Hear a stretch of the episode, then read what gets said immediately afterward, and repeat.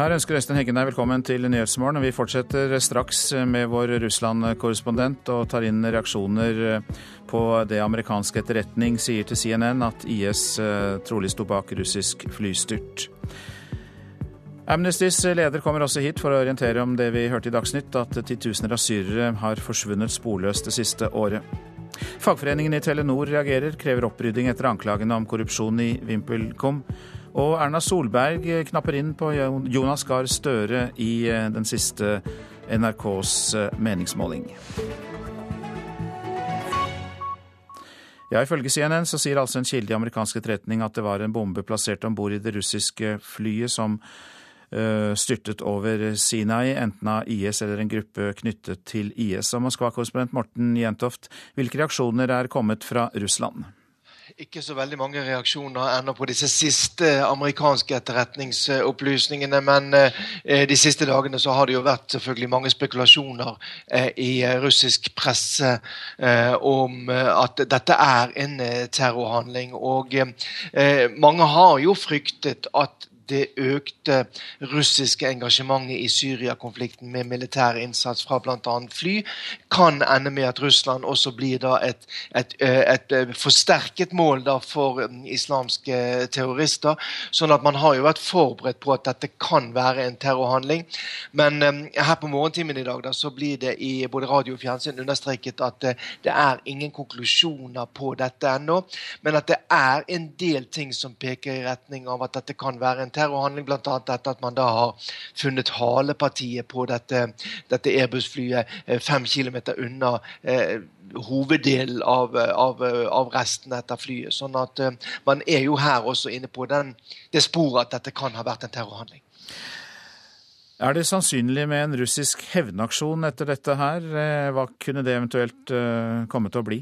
Ja, Nå vet vi jo at russerne har både fly og helikoptre som er tungt involvert i konflikten i Syria. De sier selv at de da der eh, er eh, angriper mål fra den islamske staten. Eh, etterretning fra bl.a. både amerikanerne og britene mener at det, hovedmålet for russerne i Syria ikke har vært å, å knekke IS, men derimot å støtte støtte regimet til Bashar al-Assad, altså hindre at det sittende regimet eh, eh, kollapser. Eh, selv om eh, man fra russisk side da sier at man stort sett har rettet angrepene mot IS-mål. Sånn at det kan jo føre til at russerne øker da den militære aktiviteten da ytterligere i Syria. Noe som bl.a. amerikanerne senest i går kveld var ute og sa bare forsterker konflikten og ikke fører til en, en, en mulig løsning her. Men samtidig så pågår det jo forhandlinger i Syria om Syriakrigen. I går var FNs spesialutsending til Syria i eh, Moskva. Nærmer man seg da en slags fredsprosess? Ja, altså det er jo det store spørsmålet. Altså Russerne mener jo at man gjør det. Og de mener det at deres eh, militære innsats her eh, er med på å, å få partene til forhandlingsbordet. Det at de har gitt Bashar al-Assad en styrket posisjon, gjør at han eh, og hans regime da må tas på alvor, og at både Vesten og de andre opposisjonsgruppene er nødt til å snakke med Assad for å få til en fredsløsning. Det snakkes jo om her at man skal forsøke å få til samtaler i Moskva Moskva i neste uke, eh, med deltakelse fra det som man definerer som den ansvarlige opposisjonen, og eh, da også muligens representanter for regimet til Bashar eh, al-Assad. Og I går som sagt, snakket John Kerry sammen med sin russiske utenriksministerkollega Sergej Lavrov. Så her skjer jo en del ting her, og ingen kan jo benekte at russerne med sitt engasjement har i alle fall fått i gang en, en, en viss aktivitet her, selv om det er langt fram til en forhandlingsløsning for Syria. Men samtidig skal vi vel avslutningsvis understreke Morten Jentoft, at eh, Russland fortsatt bygger opp sine militære styrker i Syria? Ja, Det gjør de. og eh, Nå uh, kom det meldinger i går om at disse styrkene nå utgjør da ca. Uh, 4000 mann da, på bakken. Først og fremst handler det om soldater, hjelpemannskaper, som forsvarer da denne flyplassen som man har da i Latakia vest i, i Syria. Men det kommer jo også melding om at russiske helikoptre nå er basert på en rekke andre baser, sånn at man utvider sin militære, sitt militære militære engasjement i Syria. Og det er ventet at man ytterligere vil bygge opp da tilstedeværelsen av russisk personell i Syria. Først og fremst er jo dette støttepersonell da, for, for de flystyrkene som allerede er på plass der. Takk for det, Morten Jentoft, Moskva-korrespondent. Titusener av syrere har de siste årene forsvunnet sporløst. Ifølge en ny rapport fra Amnesty som blir offentliggjort nå på morgenen, så er eh, de som eh, er blitt borte ofre for regimets utrenskninger. Og I den forbindelse er du her, generalsekretær i Amnesty Norge, Jon Peder Egenes. God morgen. God morgen. Eh, hvem er disse menneskene som er blitt borte? Disse mange menneskene i flere tusener? Ja, de, de, deler seg hovedsakelig inn i tre kategorier. Det er de som var med på, på demonstrasjoner helt fra starten av i, i 2011. Det er de som har markert seg både før 2011 og etter 2011 som opposisjonelle i et bredt spekter, menneskerettighetsaktivister osv. Det er de som eh, oppfattes som illojale til myndighetene, f.eks. unge menn som ikke møter til militærtjeneste, eller som, man, som deserterer, eller som de mener planlegger å desertere. Og det er kanskje mest grufullt av alt, de pårørende til de som allerede har forsvunnet, som er ute og leter etter sine forsvunne. Eh, så grovt sett så faller disse menneskene inn i, i tre kategorier. Vi har navn eh, fra syriske organisasjoner på 65 000 personer som, som, man vet har blitt arrestert, og som man siden ikke vet hva har skjedd med. Um, og, og, og sannsynligheten er at dette tallet er enda mye større. De granskerne som Amnesty har, de kildene dere har, vet i det hele tatt noe om hvor det er blitt av dem? Er de, er de, døde alle sammen, eller er de havnet i fengsel? Nei, det er, altså, det er helt sikkert mennesker som er døde. Det er 15 000 personer som har blitt tatt av disse listene igjen. Enten fordi de har blitt innrømmet arrestert, altså at myndighetene erkjenner at de har dem, eller fordi de har blitt løslatt, eller fordi de er bekreftet omkommet. Eh, og det er helt sikkert flere enn de som er omkommet. Men øh, vi vet en god del, fordi det er jo en del som har blitt løslatt. Eh, vi vet at det finnes et nettverk av både offisielle og uformelle fengsler rundt omkring i regjeringskontrollerte områder. Det snakkes bl.a. om et fengsel under bakken i Damaskus som som ikke fantes offisielt tidligere, i hvert fall. Sånn at vi vet en hel del om både hvordan de har blitt behandlet, Eh, vi vet en god del om en del av disse navnene på disse listene, fordi at folk som har blitt løslatt, kan fortelle oss at disse personene sitter, eller i hvert fall da de satt der, satt i fengsel sånn og sånn og sånn.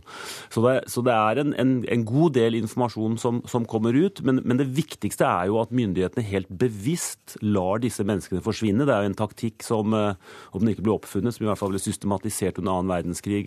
Hitler som snakket om at folk skulle forsvinne som om i natt og tåke, disse Nacht und Nebel-leirene.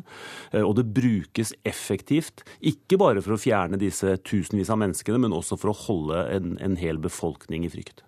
Og For å understreke det, Jon Peder Egenes, vi snakker altså nå ikke om overgrep utført av eh, IS, den islamske staten, men dette er Bashar al-Assads regime? Dette er mennesker som, som, beviselig har blitt arrestert, enten av politi eller militære eller etterretning, og som siden har forsvunnet. Vi jobber også med en rapport om de væpnede gruppenes bortføringer, men, men denne gangen handler det bare om dem. Eh, det er kanskje et poeng jeg har lyst til å legge til, og det er at det har nå utviklet seg en, en pengeindustri knyttet til disse forsvinningene. Fordi mennesker som har kontakter med myndighetene, driver nå og selger opplysninger til de pårørende. Ehm, slik at nå har det blitt en, en slags industri knyttet til dette i tillegg, som både myndighetene, myndighetsagenter og kyniske enkeltpersoner tjener på. En, en, ung mann vi intervjuet hadde betalt 150 000 dollar for å forsøke å finne sine tre brødre. Han jobber nå i Tyrkia for å betale gjelden sin. Dramatisk informasjon som kom nå på morgenkvisten i denne nye rapporten fra Amnesty. Takk skal du ha, generalsekretær John Peder Egenes. Norsk politikk. Statsminister Erna Solberg tar innpå Arbeiderpartileder Jonas Gahr Støre i NRKs ferskeste statsministermåling. For et halvt år siden ledet Støre med nesten 20 prosentpoeng. Nå ligger han foran med knappe 5 prosentpoeng. De målingene går litt opp og ned. Det er jo veldig høye tall da, for en som er opposisjonsparti. Sier Jonas Gahr Støre. 44,2% av de spurte i Norstats undersøkelse mener Ap-lederen er best skikket til å være statsminister i Norge. 39,4% svarer det samme om statsminister Erna Solberg. Avstanden mellom de to er nå mye mindre enn i mai, da Støre hadde nesten 20 prosentpoengs større oppslutning enn Solberg. Det er hyggelig. Statsministermålingen følger samme mønster som partimålingen fra Dagsrevyen i går, der Høyre går frem og Arbeiderpartiet tilbake. Og Jeg håper at eh, det avdekker også en støtte til de politiske tingene vi forsøker å få til. Er du overrasket? Eh, du vet at Som statsminister så får du ulike direkte tilbakemeldinger. Noen er veldig sinte for øyeblikket, og noen er veldig positive. Så det er alltid vanskelig å vurdere det. Så det er fint å få en litt mer objektivt målt, eh, målt stemningsrapport. Er det en fordel eller en ulempe for deg at det er kjegling mellom KrF og Frp? Eh, jeg eh, syns alltid det er fint med ro og orden, men demokrati er at det også er ulike meninger innimellom. Ap-leder Støre sier han ikke er bekymret, selv om statsminister Erna Solberg knapper inn på forspranget. Eh, og Disse tallene får vi følge. Som sagt, De går litt opp og ned. Nå er jeg vel omtrent tilbake der jeg var for to måneder siden. Og så skal jeg jobbe hardt for i tiden som kommer. Er det noe som uroer deg? Nei, det gjør det egentlig ikke. Jonas Gahr Støre, intervjuet av Fredrik Lauritzen. Så var det det avisene har på dagsorden i dag. Økokrim-sjefen krever å få løpende informasjon om Telenors interne granskning, skriver Klassekampen. Trond Eirik Skjea sier han vil bedømme selskapet etter hva de gjør, og ikke hva de sier. Det nytter å si fra om mobbing, er oppslaget i Dagsavisen. Oslo og Akershus får nå rekordmange klager. Det var riktig å dele vår historie, sier moren til 13 år gamle Odin, som tok sitt liv etter å ha blitt mobbet. Vår historie har en verdi, sier Katrine Olsen Gillerdalen. Frp gir Jonas Gahr Støre skylda for den økte asylstrømmen til Norge, er oppslaget i Dagbladet. Forliket om å ta imot flere kvoteflyktninger bidro til å gi inntrykk av at Norge var mer attraktivt for asylsøkere, sier FrPs stortingsrepresentant Erlend Wiborg. Jonas Gahr Støre sier at helt andre forhold enn asylforliket har bidratt til asyltilstrømningen. Erna Solberg sier at kutt i velferdsordninger, innstramninger, økte avgifter og skatter ville ha økt innvandringsmotstanden i Norge, så derfor tar regjeringen av bistandsmidler for å dekke asylkostnader, sier statsministeren til Dagens Næringsliv. Biskopen bestemte at omstridt praksis skulle fortsette, skriver Aftenposten om Den katolske kirke. Biskop Bernt Eidsvik trosset et vedtak i bisperådet om å stanse registreringen av intetanende katolikker som medlemmer.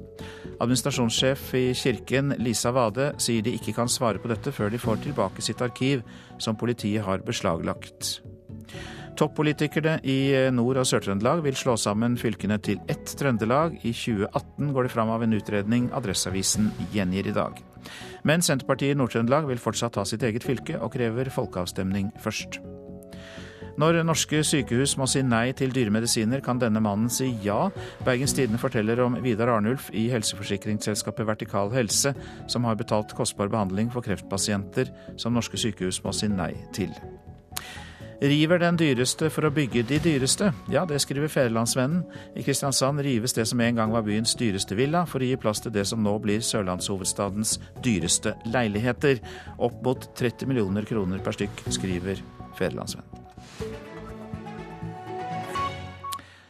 Det norske håndballandslaget for menn får bryne seg på verdens beste håndballag når de spiller Golden League. Danmark, regjerende verdensmester, Frankrike og Island er i turneringen, som starter i kveld. Og det er en fordel å møte så gode lag. Det sier landslagssjef Christian Berge. Ja, helt klart. Eh, det er jeg 100% sikker på. at vi, at det, altså, vi har ikke mange treningskamper, vi har seks stykker før EM, og da er det viktig å møte de beste, tenker jeg. For det er dem vi gjerne vil måle oss eh, imot. EM i Polen starter 15.1, der Norge er i samme gruppe som Island, laget som sensasjonelt tok seg til OL-finalen i Beijing i 2009. I firenasjoners-turneringen som spilles i Nadderudhallen er i tillegg medaljegrossisten Frankrike og Danmark. Selv om Norge ikke har noen titler å vise til, mener Bjarte Myrhol at de kan gjøre det bra mot mer meritterte lag. Nå er jo vi på vei til å bli såpass gode at vi kan matche det, og det har vi vist i treningsturneringen nå. Ligger vi jo kanskje litt bak de når vi kommer i mesterskap, men i de treningsturneringene her så skal vi eh, være på høyden med dem. Og Myrhol får støtte av Erlend Mamelund. Ja, det har vist seg at uh, håndballen på nivået her er så små marginer, så alle kan slå alle. Uh, det handler om å vise stabilitet. Det har vært gøy å vise tre, tre gode kamper på rad og vise at vi kan henge med på det nivået her. Og landslagssjefen sier de fokuserer på egne oppgaver. Frankrike og Danmark kan fort bli en EM-finale, så, så vi skal jo opp imot noen riktige gode lag. Men allikevel så skal vi gå respektløst til, til verk, og så skal vi ikke bry oss så veldig mye om dem, for det handler mye mer om hva vi gjør enn, hva, enn hvem som tar på andre sida. Formen er fin, altså, så vi gleder oss til kamper. Har du en DAB-radio, så er det smart, for kampene kan du nemlig følge på DAB-kanalen NRK Sport. Første er mot Island i kveld klokka 19.45. Reporter Marianne Kvamme Amengual. Klokka den nærmer seg 6.48. Dette er hovedsaker i Nyhetsmorgen. Ifølge CNN sier en kilde i amerikansk etterretning at det trolig var plassert en bombe i det russiske flyet som styrtet over Sinai. IS har tidligere sagt at det var de som sto bak flystyrten. Storbritannia og eh, Irland stanser flyvninger fra Sharm el Sheikh pga. bombefrykten. Erna Solberg knapper inn på Jonas Gahr Støre i NRKs siste meningsmåling, har vi nettopp hørt. I Telenor er det økende uro etter anklagene om korrupsjon i VimpelCom, der Telenor har over 30% av aksjene. Nå må det ryddes opp, krever fagforeningen Tekna, som organiserer flere hundre ansatte i selskapet. Lise Lyngsnes Randeberg er president i Tekna, fagforeningen for tekniske spesialister og sivilingeniører. Over 600 Telenor-ansatte er medlemmer, men nå har de fått nok. VimpelCom-eventyret og korrupsjonssaken som Telenor kan være involvert i, sliter på de ansatte. De håper også på at eh, Sigve Brekke skal ta tak i ting og få rydda opp, og eventuelt fjerna ukultur i ledelsen i selskapet. Har det vært en ukultur eh, i selskapet? Når denne typen saker dukker opp, så tyder det jo sterkt på det. Det, det vi ville jo ikke hatt den typen eh, korrupsjonsanklager hvis eh, alt hadde vært i orden i selskapet og i selskapets ledelse. De ansatte håper nå at Telenors nye leder Sigve Brekke skal rydde opp, skape ro og trygghet. Selskapet taper omdømme. Det er jo veldig synd for mine medlemmer, som driver og prøver å lage gode tekniske løsninger og gjøre Telenor til et godt selskap den veien. Eh, og Da er det veldig synd når det er selskapets ledelse som, som gir dem et dårlig rykte. Telenors tidligere toppsjef Jon Fredrik Baksås ønsker ikke å la seg intervjue av NRK om VimpelCom-saken, etiske lønnsbonuser eller sin rolle som spesialrådgiver for dagens Telenor-styre. Vi syns det er fint at Sigve Brekke har begynt å rydde i skapet til Baksås. Eh, det er jo på høy tid. Jon Fredrik Baksås jobber fortsatt i Telenor med en årslønn på 5,5 millioner kroner. Hva tenker du om det? Hvis det stemmer, det opplysningene man har fra media, om at han også har fått en eh, ekstra bonus for etisk atferd, og så kommer det opp saker som det her, så er det jo egentlig helt hinsides. Og reporter her, det var eh, Eirik Veum. Den britiske regjeringen vil gi politi og etterretning tilgang til folks internettbruk i ett år tilbake i tid. Dermed mener de at det skal bli lettere å bekjempe alvorlig kriminalitet. Lovforslaget kritiseres av andre varsleren Edward Snowden, men eh, det får støtte av den britiske opposisjonen. Hvor mye oversikt skal myndigheter egentlig ha over hva vi gjør på nettet? Vel, den britiske regjeringen mener det skal være ganske mye. Secretary Theresa May. Thank you, uh... Britenes innenriksminister, som er øverste politiske myndighet for både politi og etterretningstjenestene, vil at alle internettilbydere skal lagre data som forteller hvilke nettsider folk har besøkt, og hvilke apper de bruker gjennom datamaskiner, smarttelefoner, nettbrett osv. It is right, therefore, that those who are charged with protecting us should have the powers they need to do so. Men hva med kritikk av forslaget? Vel, det kommer i svært liten grad fra den politiske opposisjonen. Labours skyggeinnenriksminister Andy Burnham var mest opptatt av å rose forslaget. Parliament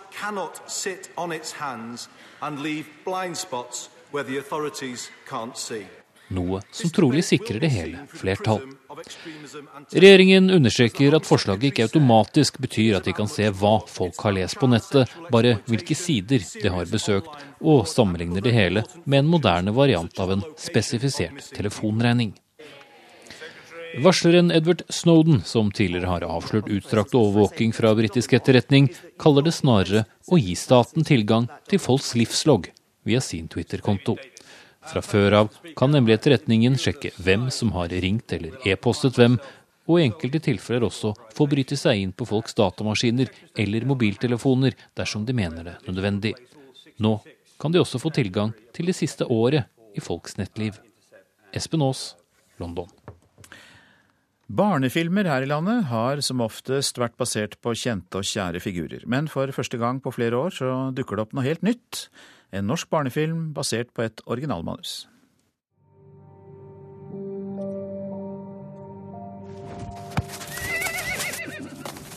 I disse dager forberedes produksjonen på barnefilmen Et hav imellom. Når den kommer på kino, har det gått hele seks år siden forrige gang en norsk barnefilm basert på originalmanus hadde premiere. Produsent Mona Pettersen synes det er for lenge. Det, jeg vil jo si at det er på tide, da. Eh, at det kanskje skulle vært satsa mer på, på originalskrevne filmer for barn, da. Så det vil jeg si er på høy tid. Hun får støtte av Monica Boracco i Dramatikerforbundet, som mener at seks år uten en original barnefilm er altfor lang tid. Altså, det er faktisk helt vilt, fordi jeg vet jo at det er veldig mange som jobber og skriver originale historier. Det syns jeg er fryktelig trist. Hun kan fortelle om flere manusforfattere som sliter med å få støtte til sine prosjekter. Jeg er redd for at vi går glipp av viktige stemmer som uh, forsøker å nå frem med historier fra sin tid. Tids? Hva for noe? Nå så er han dratt til 1969 for å stoppe bryllupet mellom moi og Claude Cliché. Vi har en gremling i taket, gremling. Barnefilm har blitt stort i Norge, og flere filmer basert på kjente historier er planlagt. Produksjonsselskapet bak den kommende filmen Et hav imellom er så langt det eneste som tar sjansen på en originalidé. Doktor Proktor og Knutsen og Ludvigsen er to av filmene som gjør det godt denne høsten. Sveinung Golimo er avdelingsdirektør for utvikling og produksjon i Norsk Filminstitutt, og han mener at det norske publikummet trenger slike filmer. Eh, jeg tror det er viktig at det lages eh, barnefilmer også med en, viss variasjon. Men det viktigste er å ha et godt tilbud til det norske publikummet. Og, og sånn sett så er det jo blitt lagd veldig mye god barnefilm eh, de siste åra også. Det er NFI som bestemmer hvem som får støtte til produksjon. Jeg kan ikke kaste stein. Kast den! Den kommende filmen til Mona Pettersens produksjonsselskap vil møte hard konkurranse når den får premiere. Hun er spent på hvordan filmen vil bli tatt imot av norske barn. Jeg vil ikke si at vi er bekymra, men vi ser jo at det kommer til å bli en konkurranse, og at vi kanskje må jobbe eh, mye hardere og kanskje enda mer fokusert enn de barnefilmene som lages ut ifra et kjent univers. Nei! Og filmen 'Et hav imellom' får premiere i 2017. Reporter Therese Moe. Samarbeidet mellom kleskjedene Hennes, og Maurits og motehuset Balmain er helt meningsløst fordi klærne er så dyre, mener lederen av nettstedet Min Mote, Martine Lunder. I dag lanserer altså Hennes og Maurits en kolleksjon som skal gi folk flest billigere merkeklær, men likevel koster de flere tusen kroner.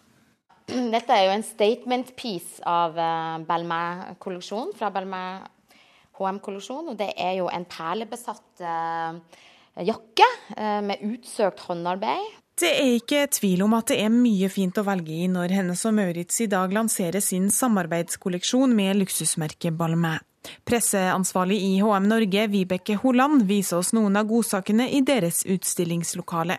Kolleksjonen er et samarbeid som Hennes og Maurits har med jevne mellomrom med de eksklusive motehusene. I dag lanseres det for 14. gang. Tanken er å gjøre eksklusive mote tilgjengelig for flere. Ideen bak var jo også at vi kunne demokratisere moten. Altså gjøre det utilgjengelige tilgjengelig. Hot couture tilgjengelig.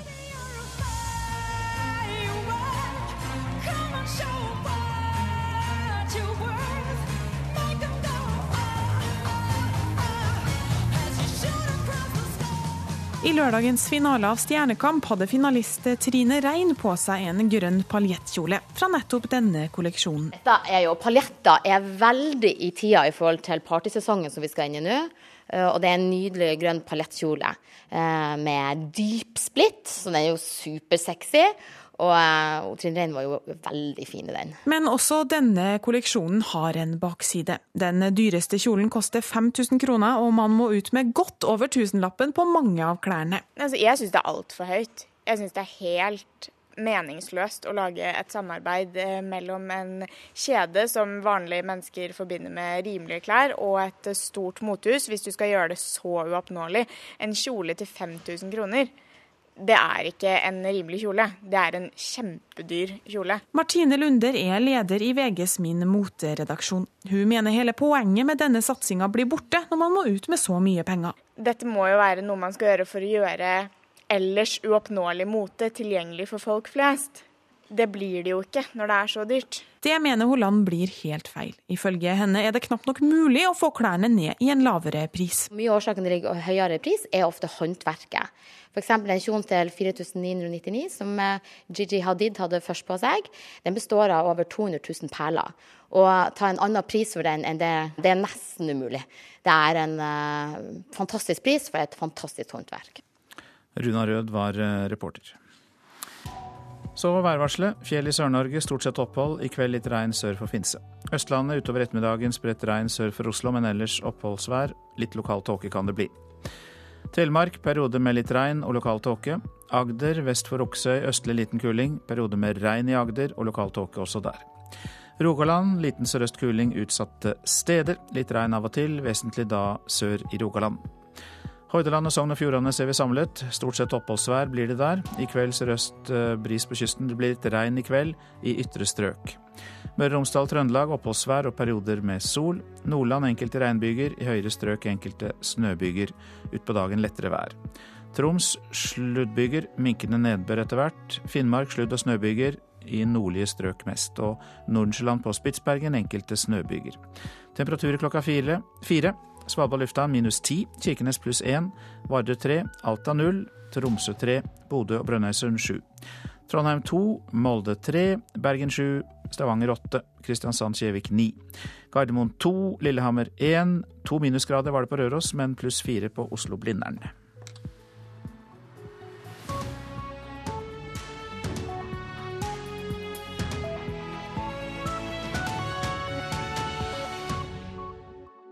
Ytring på NRK P2.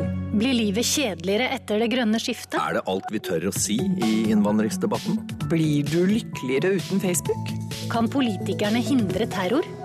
Bør flere flytte til byen? Kommer EU til å revne? Hva er ukas snakkis i Berlin? Eller Rio? Eller Tokyo? Ytring søndager på NRK P2. Flystyrten i Egypt kan få konsekvenser for krigen i Syria. Og russisk klinikk tilbyr legetimer for eggdonasjon i Norge. Her er NRK Dagsnytt klokken sju ved Turi Grønbekk. Det er frykt for at Russland øker innsatsen i Syria etter spekulasjoner om at flystyrten i helgen skyldes en bombe. 224 personer, de fleste russere, mistet livet da flyet styrtet på vei fra Sharm el-Sheikh til St. Petersburg. Nå kan russerne komme til å øke sin militære innsats i Syria, sier Moskva-korrespondent Morten Jentoft. Mange har jo fryktet at det økte russiske engasjementet i Syria-konflikten med militær innsats fra bl.a. fly, kan ende med at Russland også blir et, et, et, et forsterket mål for islamske terrorister. Sånn at man har jo vært forberedt på at dette kan være en terrorhandling.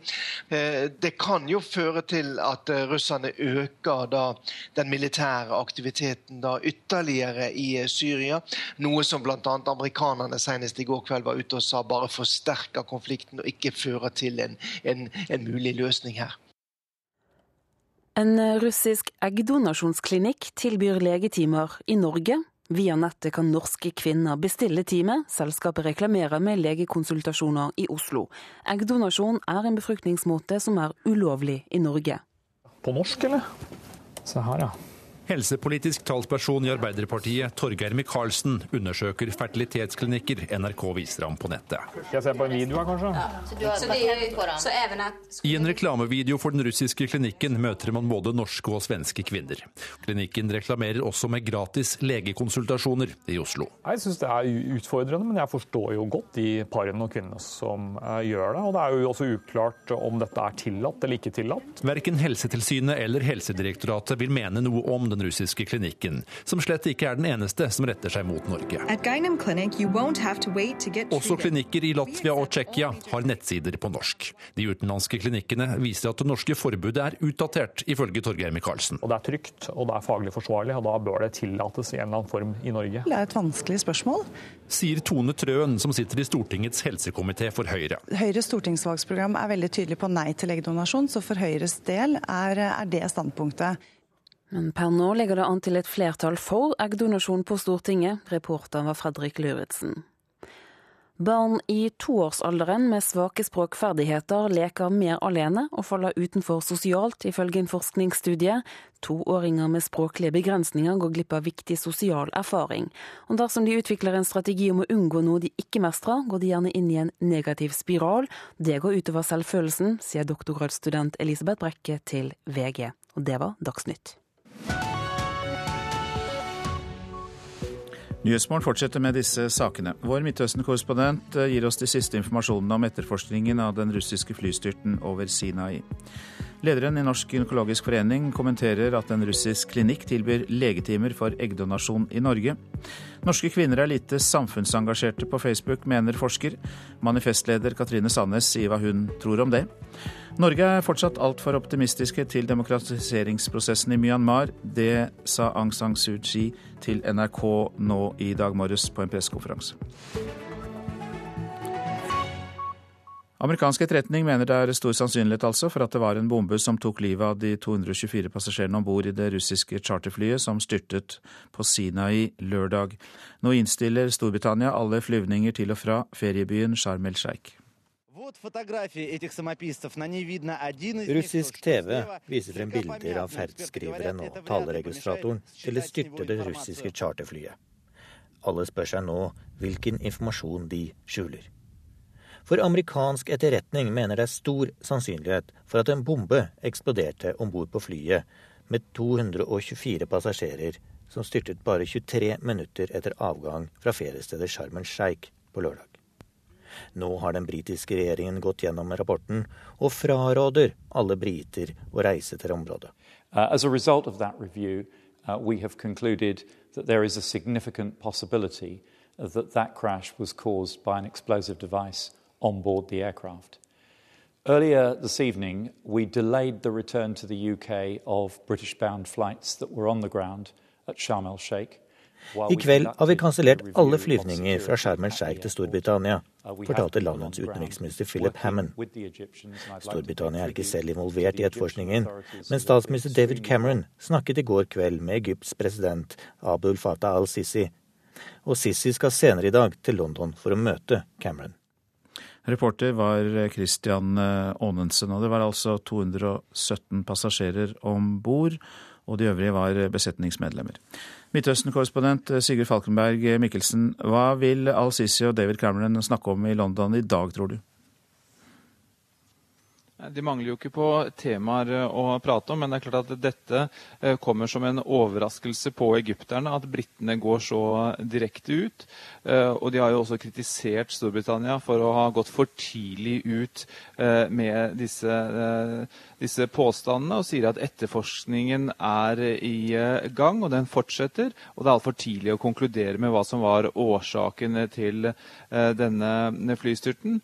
Og for Egypt så er jo dette et eksistensspørsmål spørsmål, fordi at det går rett i kjernen av den delen av turistindustrien som har overlevd de politiske omveltningene her, nemlig turistindustrien langs Rødehavskysten. Er det i det hele tatt noe nytt om etterforskningen i Egypt? Det har ikke kommet uh, så mye nytt uh, fra etterforskningen, annet enn at de sier at uh, det kommer til å bli vanskelig å få ut informasjon fra den svarte boksen, fordi at den har blitt ødelagt, og at det kommer til å ta tid. Men ellers så pågår jo etterforskningen over et stort område. de leter etter vrakdeler over, over, et stort område, og det gjør også at det tar noe tid. Men det er ikke blitt offentliggjort noe som helst ny informasjon i det siste. F.eks. om det er funnet funnet rester av eksplosiver på vrakdelene. Det vil jo i så fall eh, indikere at, det, at det var en bombe om bord. Men hvor sannsynlig blir det vurdert i Egypt da, at det er IS som står bak dette? Så IS mangler jo ikke interesser eh, av å gjøre noe slikt. Uh, ved å ramme et uh, russisk fly, så rammer de også da to fiender på en gang. altså russerne, som er involvert i Syria, og Egypt, som de da indirekte rammer via turistindustrien. Egypt og IS er jo involvert i en åpen krigføring på den nordlige delen av Sinai, hvor det er en IS-tilknyttet gruppe som opererer. men her er man veldig fortsatt varsomme med å konkludere med hva som sto, hvem, hvem, som sto bak. Men det har også vært mye uklarheter fra myndighetene i selve informasjonsstrømmen rundt denne ulykken. Hvor mye vekt skal vi legge på at IS jo selv har sagt at de sto bak dette? Altså, de har kommet med to uttalelser eh, knyttet til eh, denne flystyrten. En eh, ganske raskt etter at det skjedde, og så kom det en, en ny, en ny annonsering i går, i forgårs, et, etterkant av en annet bombeangrep i Sinai mot en politistasjon. og Da sa de at de har tatt ansvaret, eller de har skylden for dette. og at de, Det er ikke de som skal bevise uh, at, uh, hva de har gjort, men uh, utfordrer da myndighetene til å bevise at de ikke har gjort det. og Tradisjonelt sett så pleier ikke IS å ta ansvar for handlinger de ikke har begått. Mange takk skal du ha, Midtøsten-korrespondent Sigurd Falkenberg Mikkelsen.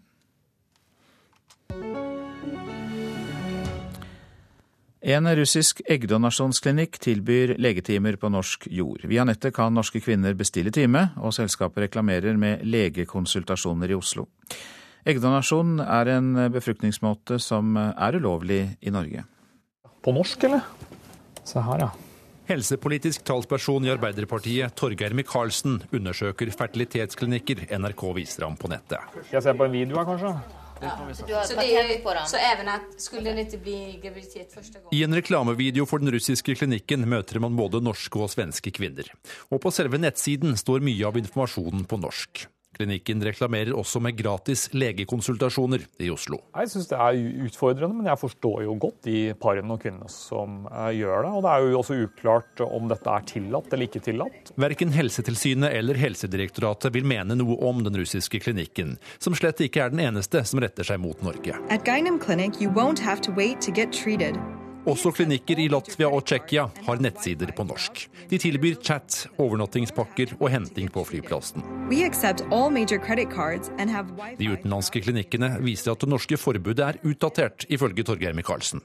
Eh, når vi i tillegg har et lovverk som tillater sæddonasjon, at eh, menn kan få hjelp hvis man som par ønsker å bli gravid, så mener jeg at dette i seg selv er et argument for at vi nå bør lovregulere å tillate dette i Norge? Det er et vanskelig spørsmål. Sier Tone Trøen, som sitter i Stortingets helsekomité for Høyre. Høyres stortingsvalgsprogram er veldig tydelig på nei til eggdonasjon, så for Høyres del er, er, det standpunktet. Men også i Høyre finnes det lokallag som vil tillate eggdonasjon, som er lovlig i de aller fleste europeiske land, også i Sverige og Danmark. Hvor vanskelig er denne saken for Høyre? Jeg tror det er en vanskelig sak for mange. Men så er jeg veldig stolt over at Høyre-Frp-regjeringen faktisk legger fram en bioteknologimelding eh, og tar disse spørsmålene til Stortinget. Det gjorde jo ikke Arbeiderpartiet de åtte årene de satt i regjering. Nå får Stortinget muligheten til å diskutere disse spørsmålene og ta en beslutning på dette. I år har både Helsedirektoratet og Bioteknologirådet gått inn for å legalisere eggdonasjon. Saken kommer til Stortinget neste høst. Det ligger an til ja-flertall. Det sa Fredrik Lauritzen, som hadde laget denne reportasjen. Jone Trovik, leder av Norsk gynekologisk forening, god morgen til deg. God morgen. Du er eh, med oss eh, fra Bergen. og eh, Hva slags henvendelser er det din forening får fra kvinner som ønsker å benytte seg av dette? Vi vet at kvinner som har vært til prøverørsbehandling og som ikke har lykkes med det, i noen tilfeller har for dårlige egne egg. Og de søker hjelp for å kunne få egg. Men dette er ikke tillatt i Norge. Hva vet vi om omfanget av det? Er det vanskelig, siden det da ikke er tillatt, som du sier? Vi vet ikke omfanget av dette, fordi det blir ikke registrert noen sted. Vi vet at eh, IVF-klinikker rapporterer at de har kvinner som reiser utenlands, men vi har ikke noe tall på hvor stort omfanget er. Men hva er det da dere kan informere om til de kvinnene som kommer til gynekologene? Eh, vi kan informere om at tilbudet finnes andre steder, men eh, vi vil vanligvis ikke gå ut med en konkret henvisning til andre land. Det føler vi generelt ligger utenfor det vi har anledning til å gjøre innenfor dagens lovverk. Peker dere på enkeltklinikker, eller lar dere det helt være? Det tror jeg ikke gjøres. Eh, det er veldig lett for kvinnen å finne denne informasjonen selv. Det er to klikk unna på internett. Det, disse parene er eh, veldig godt informert eh, av seg selv om hva slags tilbud som finnes. Helsetilsynet, Helsedirektoratet eller Forbrukerombudet da, vil ikke mene noe om denne russiske klinikken vi hørte om i innslaget. Viser det at eggdonasjon mer eller mindre er akseptert av norske myndigheter, selv om det ikke er lov? Nei, det syns jeg jo ikke. Men Bioteknologinemnda har jo nå vurdert dette, og eh, vurdert at det ikke skal være prinsipielt forskjellig med egg versus sæddonasjon. Etisk sett så er ikke disse tingene så prinsipielt forskjellige. Det er medisinsk sett litt forskjellig å gi egg eller å gi sæd. Det er noe mer eh, risiko for komplikasjoner for de som gir egg. Hva tror du standpunktet er til medlemmer av eh, din eh, forening, altså Norsk gynekologisk forening? Der er nok vi forskjellige som i befolkningen ellers. Eh, de som driver med prøverørsbehandling, vil jeg tro kanskje er mer positive enn en del som ikke driver med det. Men det vil være forskjellige meninger her. Mange takk skal du ha, Jone Trovik, som altså er leder av Norsk gynekologisk forening. Og vi legger til og minner om at det blir debatt om dette i Politisk kvarter om en drøy halvtime på P2 og um, Alltid nyheter, selvfølgelig. Norske kvinner er lite samfunnsengasjerte. Ja, den brannfakkelen kommer fra sosiale medier-forsker Peter Bae Brandtzæg. I en ny studie så har han kartlagt hva vi liker på Facebook, og norske kvinner scorer lavt på politisk engasjement. Og flere BI-studenter kjenner seg igjen. Nei, veldig lite. Um, jeg følger Oslo by men uh, utenom det så er det veldig lite av det, egentlig. Nå driver jeg med trening, så det blir mye treningssider og mye i forbindelse med studiene. Ulike kjeder, brun og blid. det er lite politikk å skue på BI-studentenes Facebook-sider. Men hos gutta ser det annerledes ut. Jeg følger en som heter Balraj Singh. Han er politiker, uh, engasjert, og han er uh, i Arbeiderpartiet. Jeg liker å holde meg litt oppdatert hvordan de ser på saker. Forskjellen på hva menn og kvinner engasjerer seg i på Facebook, er stor. Så ta f.eks. CNN Politics, da. Så er det en typisk manneside. Sier sosiale medieforsker Petter Ba Brandtzæg ved Sintef. I hans nye studie kommer det frem at kvinner er langt mindre engasjerte i politikk på Facebook enn det menn er. Norge er jo høyest på den internasjonale likestillingsindeksen, så man skulle tro at de også var de som var mest aktive knyttet til politisk engasjement også på Facebook. Men eh, det er de ikke. De faller ganske lavt ned. På linje med land som Iran, Brasil, som er veldig langt nede på denne likestillingsindeksen. Men ikke alle er enige i at dette gjør kvinner til mindre samfunnsengasjerte borgere. Mitt inntrykk er at, uh, at norske kvinner benytter seg av den friheten de har uh, til, å, til å ytre seg. Sier forsker Kari Steen Jonsson ved Institutt for samfunnsforskning. Men det reflekterer kanskje en, en forskjell i politisk interesse, eh, rett og slett. Eh, lavere interesse for Barack Obama, eh, men samtidig en sterk interesse for, for menneskerettigheter og for miljø, altså klima, klimapolitikk. Jeg vet ikke, kanskje de er litt mer uh, ivrige på å si meningen sin offentlig, mens kvinner kanskje holder litt mer tilbake og ikke diskuterer det på Facebook, da. Jentene er opptatt av Gossip Girl og sånne ting, da. Men vi gutter kanskje mer interessert i politikk. For jeg tror liksom at eh, kvinner også er like engasjerte. Men eh, ja, jeg veit ikke om det er flere som tenker likt som meg, at man kanskje ikke får gjort noe med alt. At eh, kanskje menn henger seg litt mer opp i det. Denne reportasjen var laget av Oda Marie Midbø. Og velkommen til deg, Katrine Sandnes. Takk. Du er leder i den venstreorienterte tankesmia Manifest, skribent, debattant, tidligere toppidrettsutøver. Ja, jeg kalte det en brannfakkel innledningsvis. Er det det? Jeg vil kanskje si at det er skuffende, men, men, det er jo i tråd med andre undersøkelser man har om kvinners medievaner. Eh, og, og, også, og, Norge har jo også et veldig kjønnsdelt arbeidsliv. Men, men eh, av de tingene, eh, av de funnene som er gjort i denne studien, så syns jeg jo det er, det er det er én ting som jeg tenker tenke trekker en litt annen retning, og det er at han, han skiller mellom politikk på den ene siden og, og sosialaktivisme på den andre siden. Eh, hvor, og i sosialaktivismebåsen for klimaspørsmål og eh, altså jeg antar engasjement for flyktninger vil havne der. Og der scorer kvinner ganske høyt. Og jeg tror at tradisjonelt så vil du også, og det samme vil du finne når du eh, studerer tradisjonelle medievaner, at kvinner generelt er mer opptatt av lokalpolitikk enn av eh, si, krig, krig, eh, krig, og fred. Altså man er, man er, mer opptatt av menneskene som rammes av krigen, enn av spillet og strukturene bak krigen og våpenindustrien eksempelvis. Men, men jeg syns det er veldig forstemmende at uh, unge norske kvinner er de som scorer desidert lavest, altså. Ja, selv om du nå nettopp nyanserte dette bildet. Hvordan, hvordan ser din Facebook-side ut, forresten? Nei, jeg kjenner meg veldig igjen i det. Hvis noen går inn på min Facebook-side, så ser det jo ikke ut som jeg gjør noe annet enn å gå på ski med ungene mine. og det er jo, og det syns jeg også er interessant, for jeg, jeg tror jo at, også at det er en ganske stor forskjell i hvordan man eh, håper jeg, i ens egen selvrepresentasjon eh, og hva, hva, man oppfatter at Facebook, eh, Facebook, er.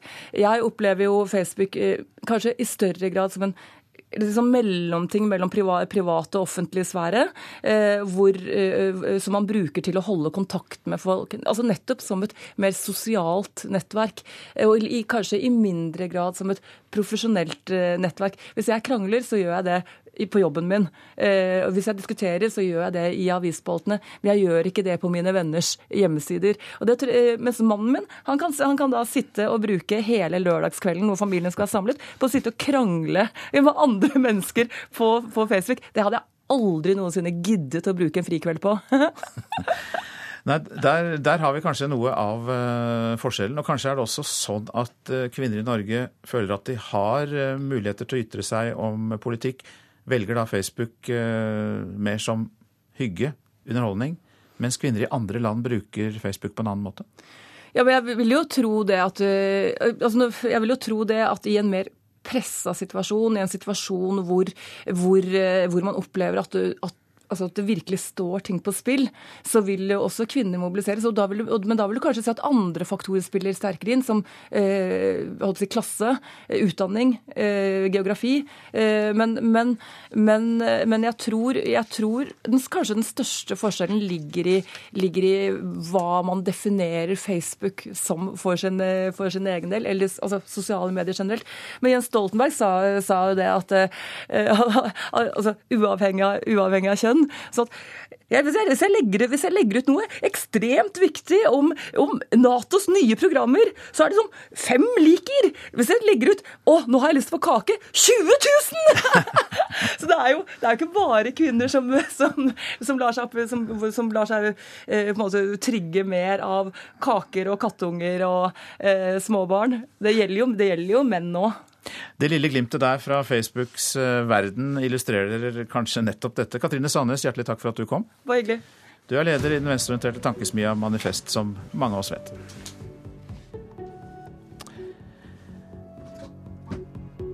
Så eh, skal vi eh, understreke for dere alle at du lytter til Nyhetsmorgen. Klokka den er 7.21. Dette er hovedsaker. Ifølge CNN sier en kilde i amerikansk etterretning at det trolig var plassert en bombe i det russiske flyet som styrtet over eh, Sinai. IS har tidligere sagt at det var de som sto bak flystyrten.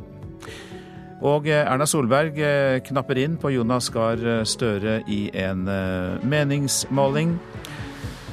Og eh, norske kvinner er lite samfunnsengasjerte, det hørte vi nettopp en forsker understreket. Og manifestleder Katrine Sandnes uttrykte nettopp en del oppfatninger om hvorfor det er slik at Facebook kanskje brukes mer som underholdning av kvinner i Norge enn som politisk forum.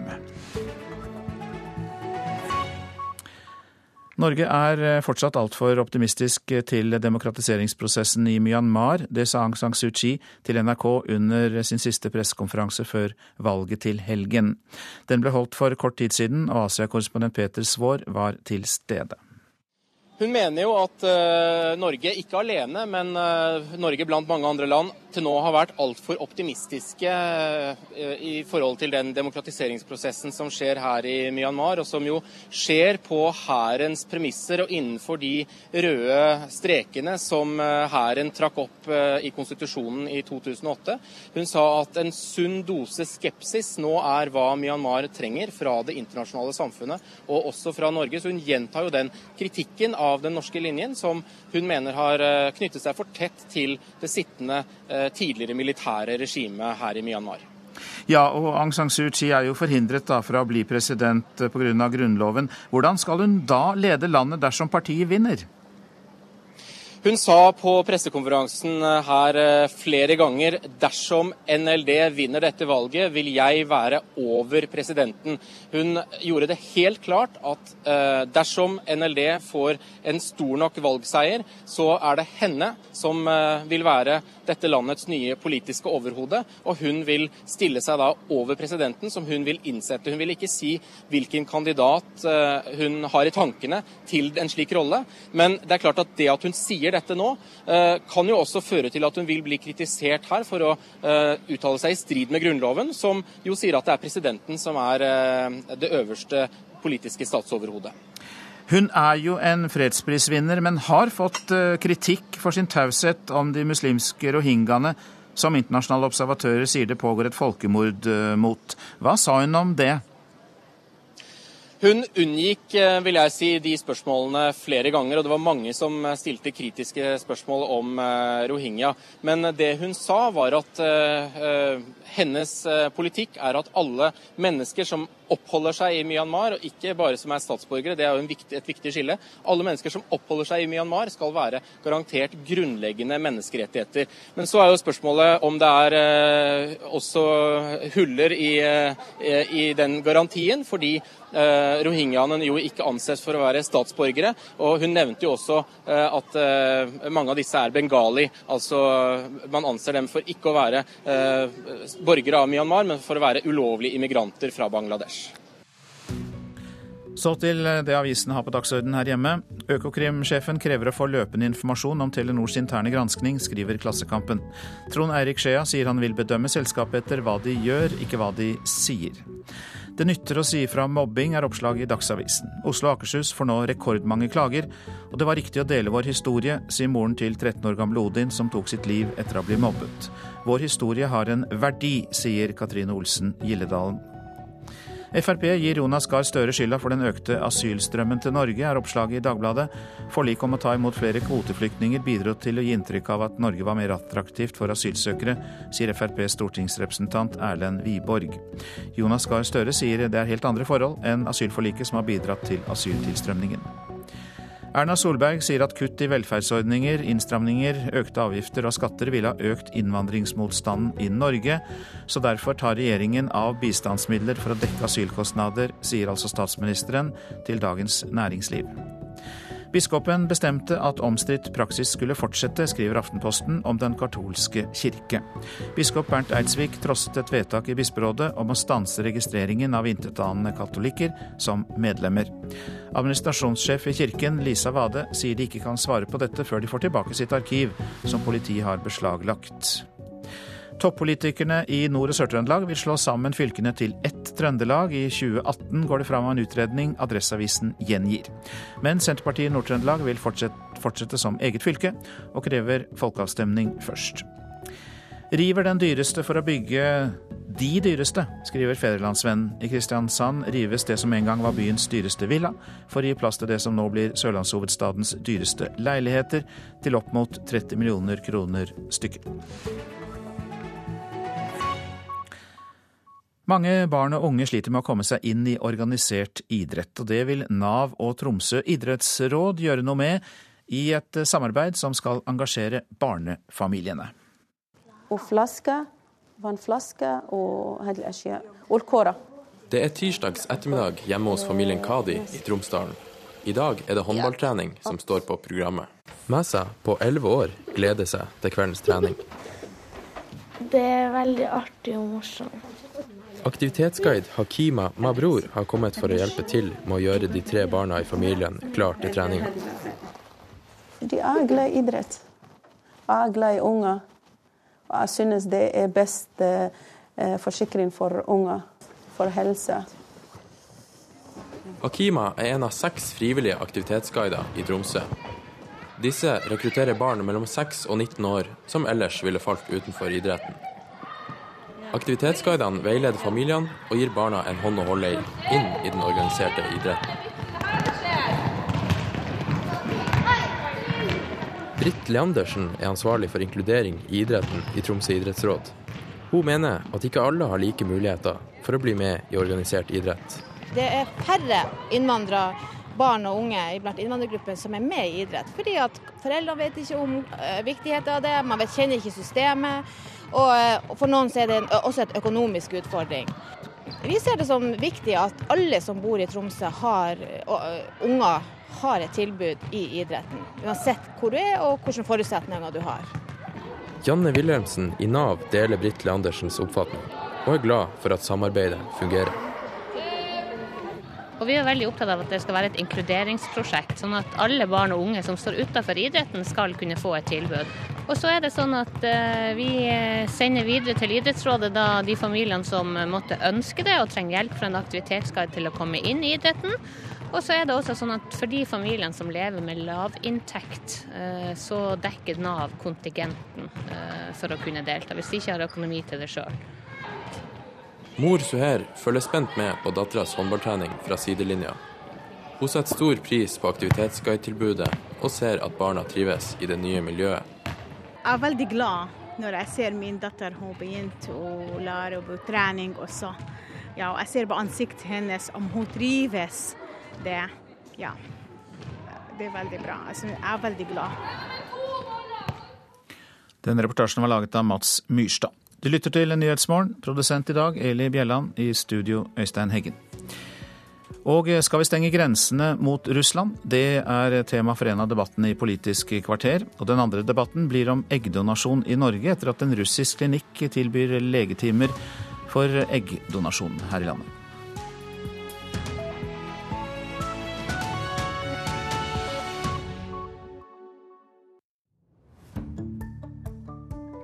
Hvorfor forsvinner kjærligheten når vi har sånn tro på at den skal vare evig? Geir Gulliksen borer i det tette parforholdet i sin nyeste roman 'Historie om et ekteskap'. En kritiker og en parterapeut diskuterer romanen i Kulturhuset klokka 13.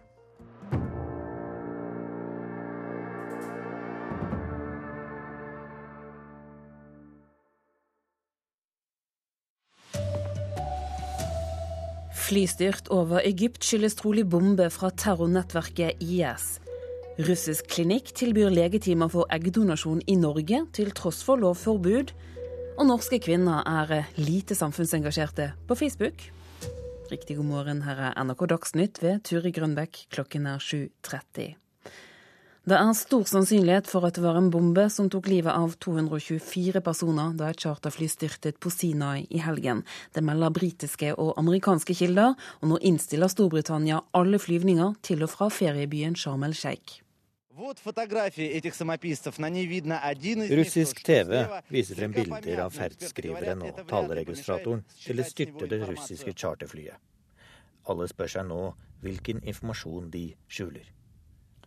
For amerikansk etterretning mener det er stor sannsynlighet for at en bombe eksploderte på flyet med 224 mennesker om bord, da det styrtet bare 23 minutter etter avgang fra feriestedet Sharm el-Sheikh på lørdag.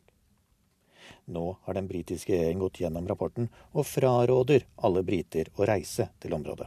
Uh, as a result of that review, uh, we have concluded that there is a significant possibility that that crash was caused by an explosive device on board the aircraft.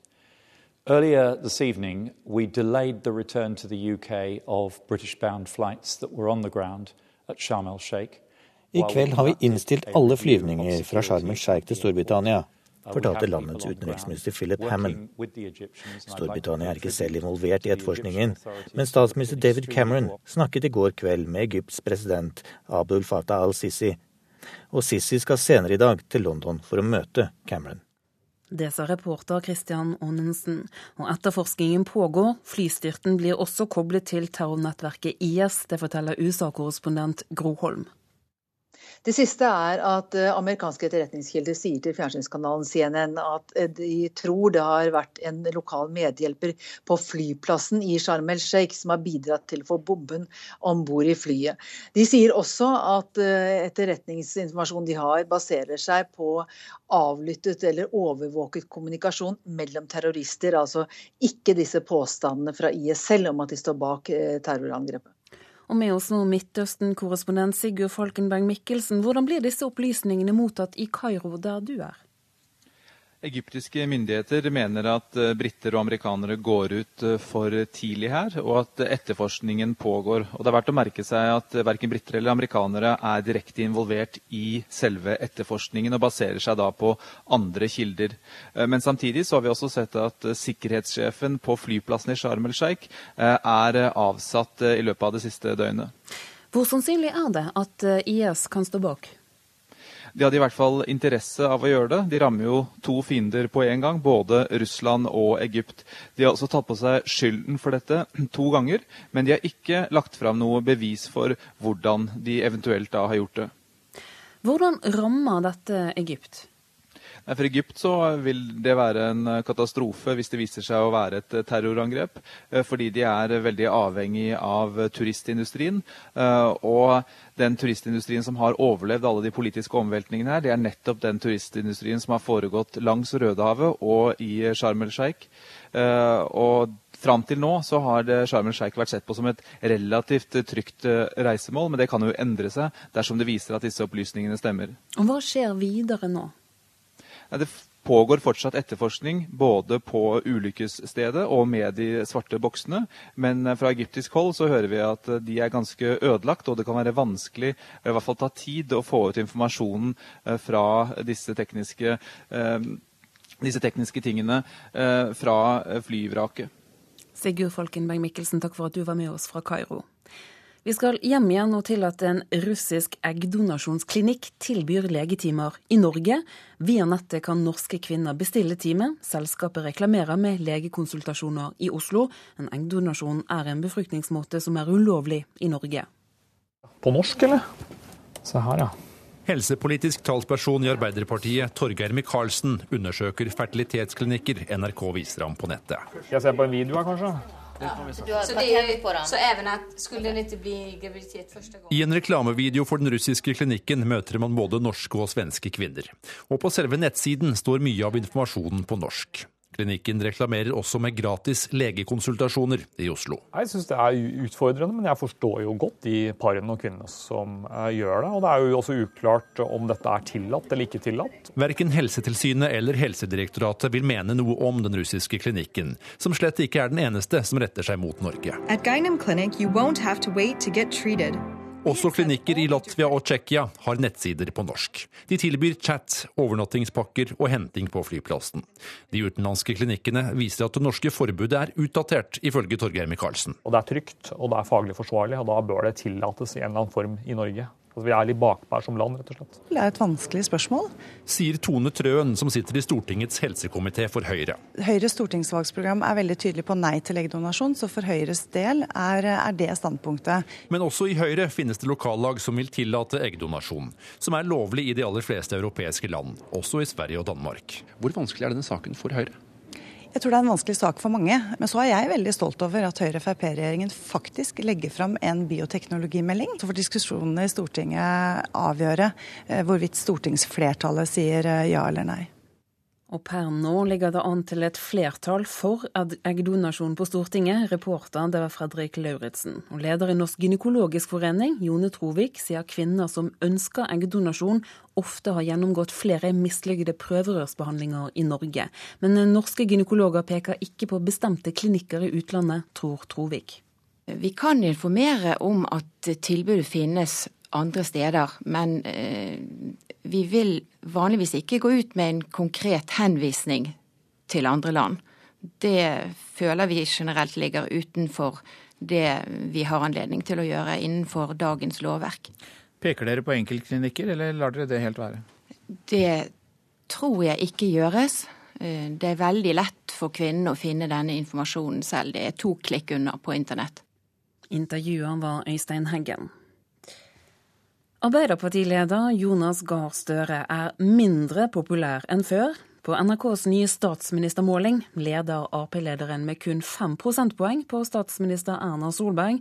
Målingen er Støres verste. Solbergs beste på ett år.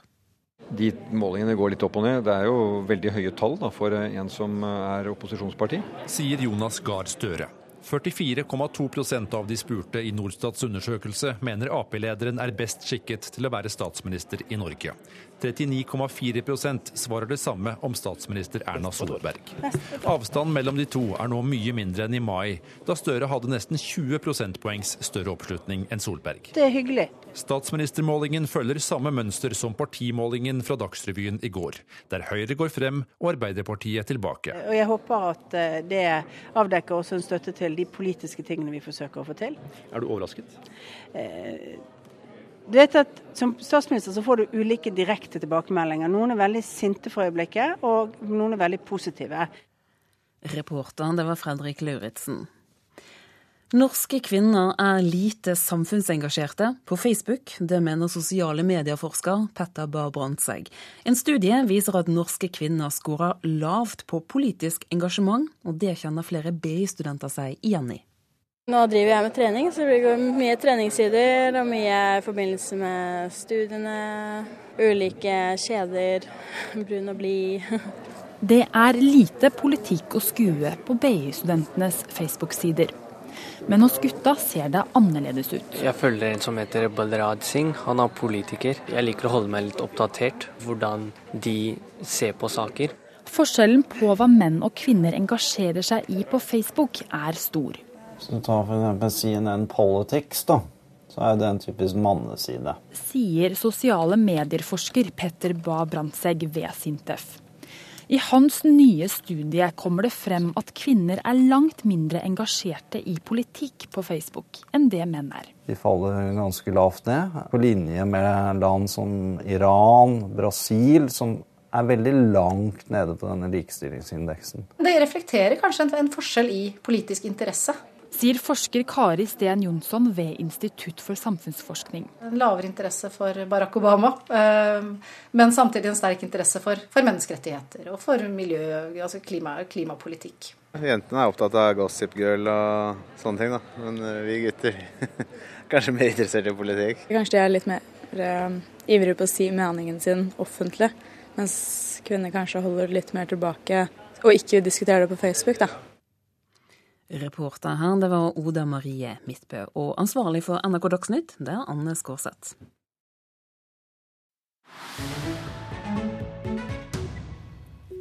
Nyhetsmorgen skal til Australia.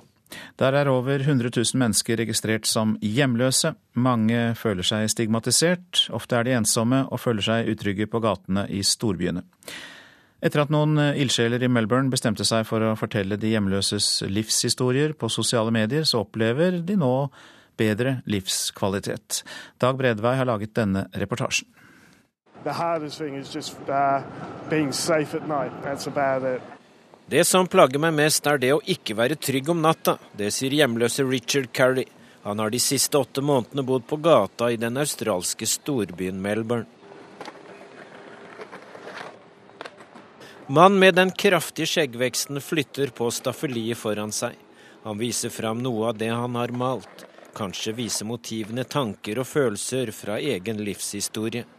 Et maleri viser en liten gutt omkranset av vakre blomster, men når du ser nøyere på motivet, ser du at det drypper blod fra blomstene og ned på gutten. Et annet viser en soldat, et tredje en uteligger med en søt panda ved siden av seg. Nær malerien er det et skilt der det står Hvis du liker kunsten min, legg gjerne igjen en mynt. Livet på gata var vanskelig å takle, men etter at noen ildsjeler tok initiativ til å dele de hjemløses historier på sosiale medier, har livet blitt langt bedre. I got people coming down visiting me, checking that I was okay, just having a chat, and like a, a Nå kommer folk til meg og lurer på hvordan jeg har det. Jeg føler meg som et normalt menneske igjen, forteller den hjemløse fornøyd. I en gågate i Melbourne snakker nyhetsbyrået Ap med de to unge mennene som startet å fortelle de hjemløses historie på nettet. En av dem er Marcus Crook.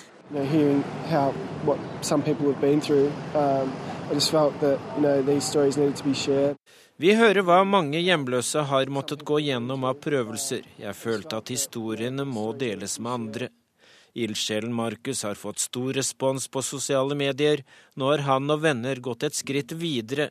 De har startet klesbutikk der hjemløse kan komme og få nye klær. En kunde spør hvordan det vil hjelpe hjemløse at hun kjøper et klesplagg. So Nick, I'm buying a t-shirt. Um, how does this benefit the homeless? So when you buy a shirt, um, it costs forty dollars, and um, the equivalent of that we give away as an essential item. Hvis du kjøper klær til f.eks. 40 australske dollar, ja, da vil en hjemløs få klær til tilsvarende beløp, forteller Nick Pearce. Han forklarer at de har fått kjente kleskjeder til å støtte ideen med klær til de hjemløse. To butikkansatte henger opp skjorter på et stort stativ. En ungdom som har bodd på gata lenge, er innom. Han får caps og T-skjorte. Han forteller at det er en tung og lang reise å komme seg på fot igjen etter å ha levd som uteligger.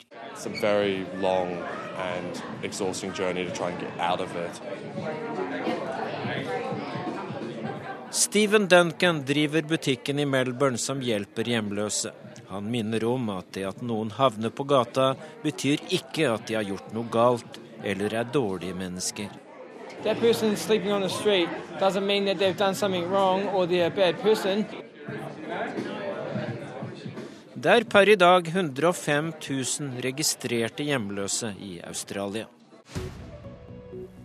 Dette er hovedsaker i Nyhetsmorgen. Den russiske flystyrten over Egypt skyldtes trolig en bombe fra terrornettverket IS, sier kilder i USAs etterretning til CNN. Britiske myndigheter fraråder folk å reise til den egyptiske feriebyen Sharm el-Sheikh. En russisk klinikk for eggdonasjon tilbyr legetimer i Norge. Eggdonasjon er en befruktningsmåte som er ulovlig i Norge. Arbeiderpartileder Jonas Gahr Støre er mindre populær enn før på NRKs eh, siste meningsmåling for statsministermåling, altså.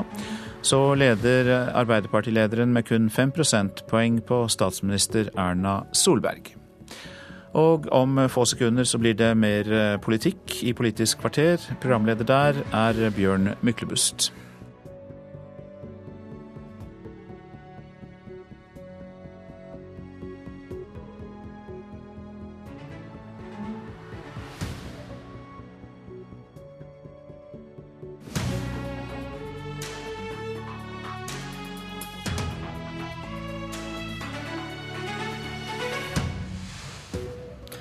Kan Norge stenge grensa mot Russland? Per Olaf Lundteigen fra Senterpartiet vil ikke la noen asylsøkere komme over grensa i nord. I går kom det 173. Velkommen til Politisk kvarter. Tirsdag kom det nesten 200. I går kom det 173 asylsøkere til Norge over grensa fra Russland, forteller politiet i Øst-Finnmark nå i morges. Og stortingsrepresentant Per Olaf Lundteigen fra Senterpartiet, hva mener du? burde skjedd da de kom til den norske grensa? Sakene skulle vært eh, behandla og må behandles med en gang på grensa. Og de som da ikke har eh, visum til Norge eller grenseboerpass, de kan ikke komme inn i Norge.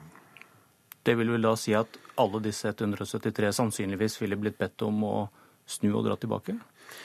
Ja, vi er i den situasjonen at eh, det er et trygt land å være i i Russland. De som da har kommet til Russland fra Afghanistan eller, eller Syria, de har en, et opphold i, i, Russland. Og det må være i tråd med internasjonale regler, at eh, der har de søkt da opphold. Dvs. Si ingen reell asyl behandling av de som da kommer fra Syria gjennom Russland, eller de som har bodd i Russland? Ja, Det er begge, begge deler. Altså De som ikke har eh, visum til Norge, de som ikke har grenseboerbevis, de har ikke da eh, ordinær adgang til Norge. Vi skal sjølsagt ha en grensepassering eh, der som andre steder, men det er norske myndigheter som har ansvaret for grensa mot Russland. Og det er norske myndigheter som bestemmer hvem som kommer inn i Norge. Stortingsrepresentant for SV, Karin Andersen, hva tenker du om forslaget fra Lundteigen? Jeg skjønner at uh, dette er en veldig alvorlig situasjon på Storskog. Uh, og uh, der regjeringa har gjort altfor lite for å rigge opp den grensepasseringa, både med folk fra politiet og folk som kan behandle asylsøknader. Men eh, det å si at man ikke kan søke asyl på en grense, er et brudd med eh, folkeretten. Det har man altså lov til. Eh, og så må myndighetene da vurdere om vedkommende har eh, beskyttelsesbehov.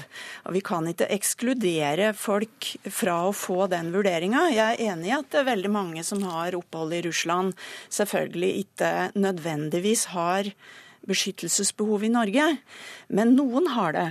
Fordi russiske myndigheter eh, passer ikke på minoriteter og homofile, f.eks. Eh, Russland er også nylig dømt i menneskerettighetsdomstolen i Strasbourg for ikke å ha behandla eh, asylsøknader på korrekt måte.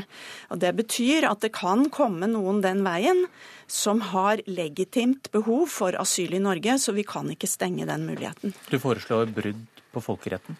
Jeg tror det er å trekke det altfor langt. Altså, eh, I praksis så kommer det da en rekke mennesker fram til grensepasseringa. Noen har papirer som gir eh, adgang til det norske eh, territoriet. Andre har ikke de papirene. Eh, det må da foretas en vurdering eh, der og da om papirene gir grunnlag for grensepassering inn i Norge. Det kan du gjerne kalle en vurdering av en asylsøknad. Men kjernen er at det skal være en individuell behandling.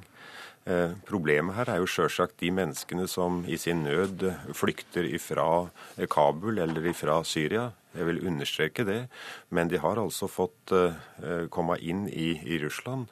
Og Russland er et trygt land å være i i den urolige verden vi er i i dag. Er det en stenging av grensen han tar til orde for? Altså jeg, for flyktninger? Først har jeg lyst til å si at det er stort behov nå for at de som befinner seg i Russland, får informasjon om hvordan, altså kravene for å få beskyttelse i Norge.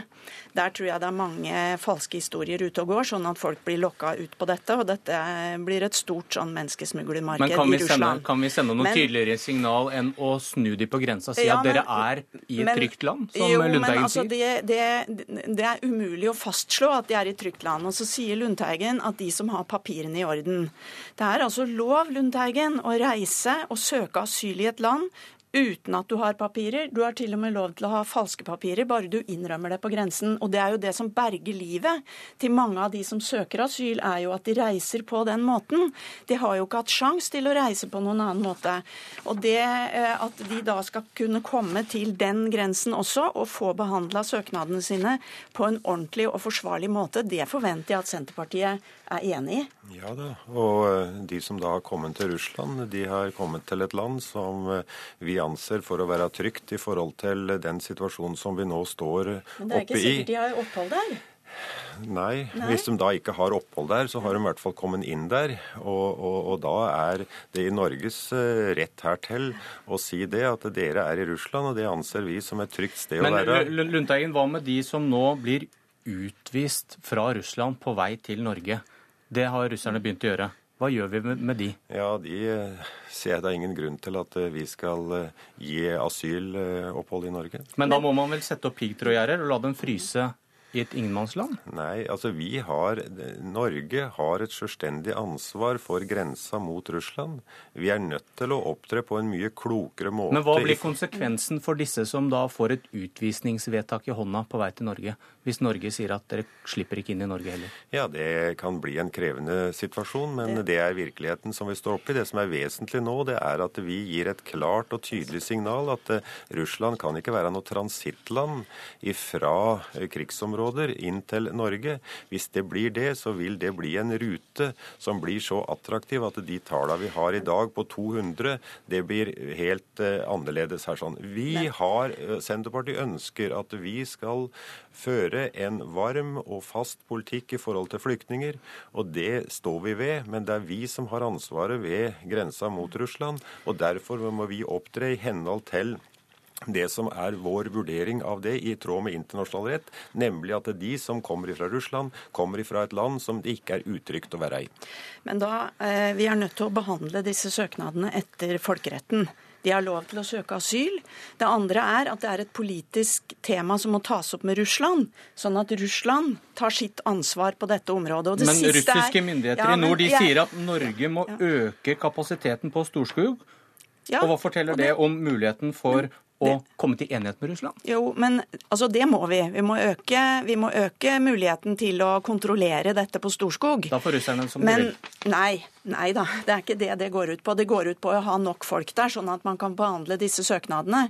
Men hvis folk har innreiseforbud igjen i Russland, og de kommer til Norge, må vi behandle den søknaden. Problemet med dette er jo at mange av de som da har opphold i Russland og kunne være trygge der, i Norge vil de da bli returnert til Afghanistan. og Det er derfor jeg sier at det er viktig at de får nå god informasjon om hva som er realiteten i dette. For da vil færre velge, eller for å si det sånn, bli lurt av de som okay. nå ber dem om å reise over Storskog til Norge. Fordi realiteten da er at mange av dem vil bli returnert til Afghanistan. Afghanistan. Karin Andersen, Per Olaf Lundteigen, takk for denne debatten. Det blir mer om dette i kveld. Debatten klokka 21.30.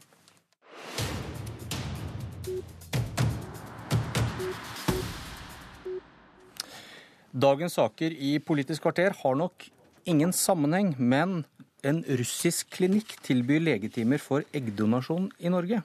Det fikk du kanskje med deg i Dagsnytt, og da fikk vi også med oss at du, Torgeir Micaelsen fra Arbeiderpartiet, sa vi er litt bakpå her som land, rett og slett. Ja, det er vi. Altså, Norge er en del av verden, og jeg er ikke sånn som sier at bare ting er tillatt i utlandet, så skal vi automatisk tillate det i Norge. Men uh, dette er en teknologisk, medisinsk uh, utvikling som nå har brei faglig støtte. Nei, Helsedirektoratet f.eks. anbefaler dette på et faglig grunnlag, at det er trygt å innføre i Norge. Og de fleste sammenlignbare land Norge, altså rundt Norge har tillatt eggdonasjon.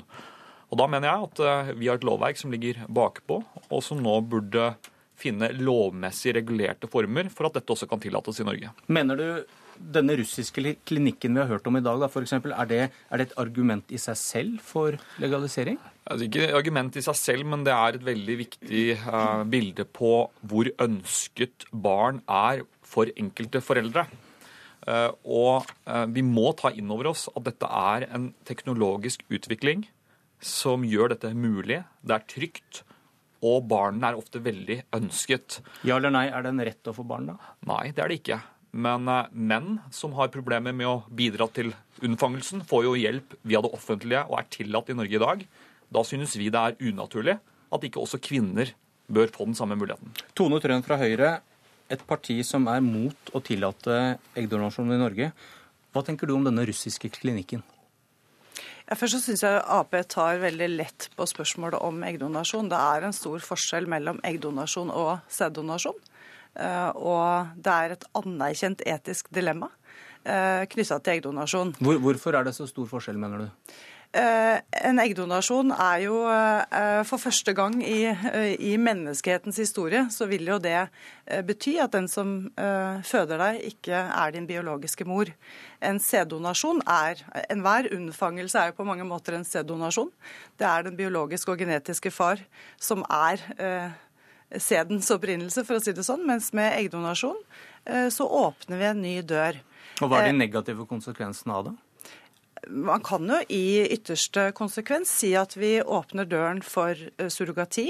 Vi åpner døren for at At en annen kvinne bærer fram ditt barn? Ja, det er jo det man i realiteten gjør. Altså En eggdonasjon er jo Det er jo ikke lenger din biologiske mor som føder deg. Men det Arbeiderpartiet nå gjør, er jo å kanskje eh, ta hodet opp av sanden. Altså, De satt i åtte år uten å bringe dette spørsmålet inn for Stortinget.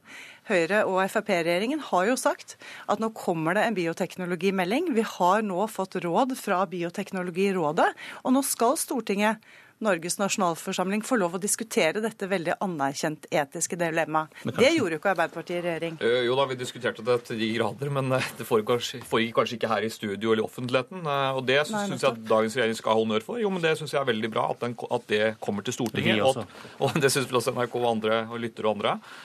fordi det er vanskelige etiske spørsmål. Jeg kan holde et langt foredrag om alle de etiske betenkelighetene rundt dette. men når Trøen sier at det er første gang i verdenshistorien at dette vil la eventuelt skje, ja, dette har skjedd. Dette skjer. Eh, og det er mange ting som skjer Men er det et selvstendig argument for å tillate det? det... Altså, det er i hvert fall slik at verden går framover. Eh, og at eh, når det er slik at etter at man har hatt en grundig etisk refleksjon for seg selv i et parti, når det er faglig trygt, slik Helsedirektoratet nå slår fast, når et flertall i Bioteknologirådet anbefaler det, så er det jo til syvende og sist da politiske eller eh, si, etisk-ideologiske årsaker som gjenstår. Der har vi gjort et valg i Arbeiderpartiet. Vi har vært tydelige på dette lenge. Det betyr ikke at spørsmålet er enkelt. Men å for til, altså, si at dette er bare eh, forsmaken på surrogati, f.eks., det vil jeg eh, avvise. Det er det ikke. Og vi må kunne diskutere dette som da foregår i alle andre land det er naturlig å sammenligne oss med, tror jeg, uten at man skal trekke inn argumenter som ikke i dag er realistiske å diskutere i det hele tatt. Nei, men jeg synes det det er viktig å ta inn over seg at vi åpner en ny dør her. Og det vil uansett være oss eh, som setter eh, grensene i Norge. Det er, eh, det er, anerkjent et veldig vanskelig dilemma knytta til, til, eggdonasjon. Og for oss i Høyre i hvert fall så er det etikken som setter de grensene. Det er mange i Høyre som ikke er enig i det du sitter og sier nå? Ja, men Høyres landsmøte i 2013 sa eh, nei til eggdonasjon. Eh, og dette er spørsmål som diskuteres. Og det, det er som, som Torgeir Micaelsen sier, at dette handler også litt om ens egne etiske eh, diskusjoner og, og dilemmaer. Eh, dette vil til syvende og sist handle litt om Eh, kanskje hva hver enkelt stortingsrepresentant eh, mener knytta til disse spørsmålene, men vi har et stort ansvar. Det er vi som bestemmer hva som er lov i Norge. Og eggdonasjon er anerkjent. Bioteknologirådet har jo gitt en, en, eh, et råd, men det er heller ikke entydig. Det viser bare hvor vanskelig dette spørsmålet er. Det er, det er ulovlig å bli gravid med eggdonasjon i Norge, og så har det blitt stanset på begge sider av norsk politikk. Men det er flertall for å tillate. Hva mener du bør skje nå, Michaelsen? Eh, det jeg håper og det jeg mener bør skje, det er at eh, regjeringen nå bruker den tiden de trenger til å drøfte saken seg imellom, men at de på en åpen og fordomsfri måte kan legge saken fram for Stortinget neste høst. Og at eh, vi da ser litt bort fra partitaktikkeriet og regjeringskonstellasjonene. Og jeg kan godt ta selvkritikk på at det fikk ikke vi til i vår tid i regjering, men dette spørsmålet med en del andre bioteknologiske spørsmål er nå så overmoden for å få lovregulert på en bedre måte enn i dag. I dag henger rett og slett politikken ikke med på utviklingen. Det hørtes ut som du også var enig i stad om at Stortingets reelle flertall skal få synes ved at representantene bestemmer sjøl? Ja, jeg er jo veldig stolt over at vi har en regjering nå eh, med to partier som faktisk har ulikt syn i denne saken, men som har sagt at vi skal legge fram en melding på dette området. Det klarte jo ikke Arbeiderpartiet selv når de satt i regjering. Derfor får vi jo denne viktige diskusjonen i Stortinget. Takk for debatten. Jeg skal skrive om i min bok om hvorfor vi ikke la fram den. Politisk kvarter er slutt.